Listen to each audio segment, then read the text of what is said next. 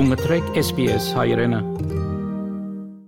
Royal Australian College of General Practitioners հայտնեց, որ առաջնային խնամքը ճգնաժամային գեդի վրա կգտնվի։ Առաջնային խնամքը շատ կարևոր է բոլոր ավասալիացիներուն համար, սակայն հատվածը այժմ ճգնաժամային գեդի հասած է։ Պրոֆեսոր Քերեն Պրայս նախագահն է Royal Australian College of General Practitioners բժիշկներու գազագերբության անհայտնեց, որ ընտանեկան բժիշկներու գացությունը երթալով ավելի խոցելի կդառնա։ We've had decades of disinvestment and, you know, removal of funding effectively through Medicare freezes.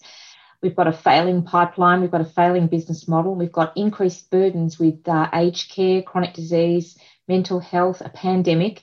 And, you know, it's just really blown the place up. So we're really at a, a crisis and we really need to do have some clear actions.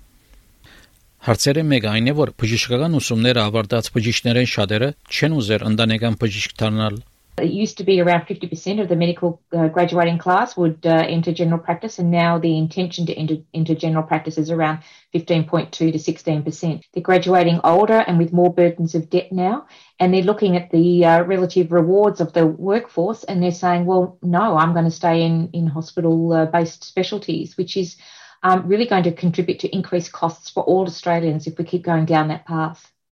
Անգսե որ շարունակական մեդիկերի հատումները ավելի գսկացվի ավելի նվազնվաստավոր պայմաններում մեջ գտնվող համայնքներում մեջ This is clearly going to put pressure on clinics, especially those in lower and socially disadvantaged areas, and especially in uh, uh, remote and rural. We know that access is particularly difficult. So, you know, we're, we're facing a, a, an impossible situation of trying to keep the doors open and trying to continue to care and trying to also deliver care that's very complex. So, we really need Medicare, which is a patient's insurance, to step up and meet that need.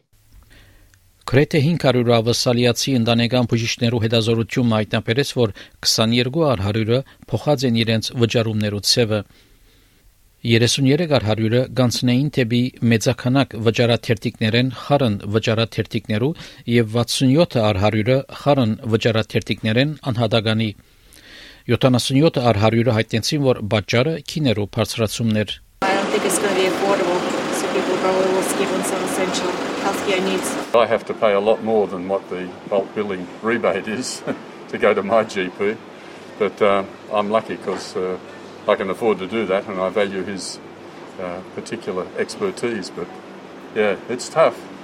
It's tough.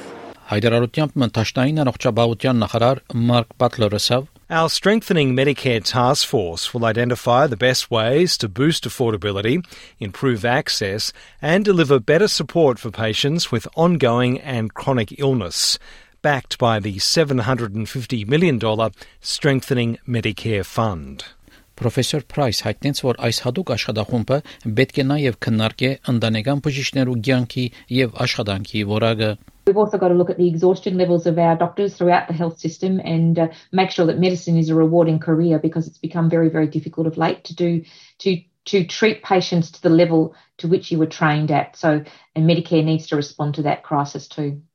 Գնահատեսվի, որ կառավարության Strengthening Medicare Task Force հadoop աշխատախումբը իր առաջարկները ներկայացնե մինչև դարեվերջ Թանյա Դենդրինոսի եւ Թինա Քույնի այս պատմությունը SBS News-ի համար SBS հայրենի համար պատրաստեց եւ ներկայացուց Վահե Քաթեփ Կուզես լսել նման պատմություններ, կընտրե Apple Podcast-ի, Google Podcast-ի, Spotify-ի վրա, կամ որտեղեն որ podcast-ը դուք լսես։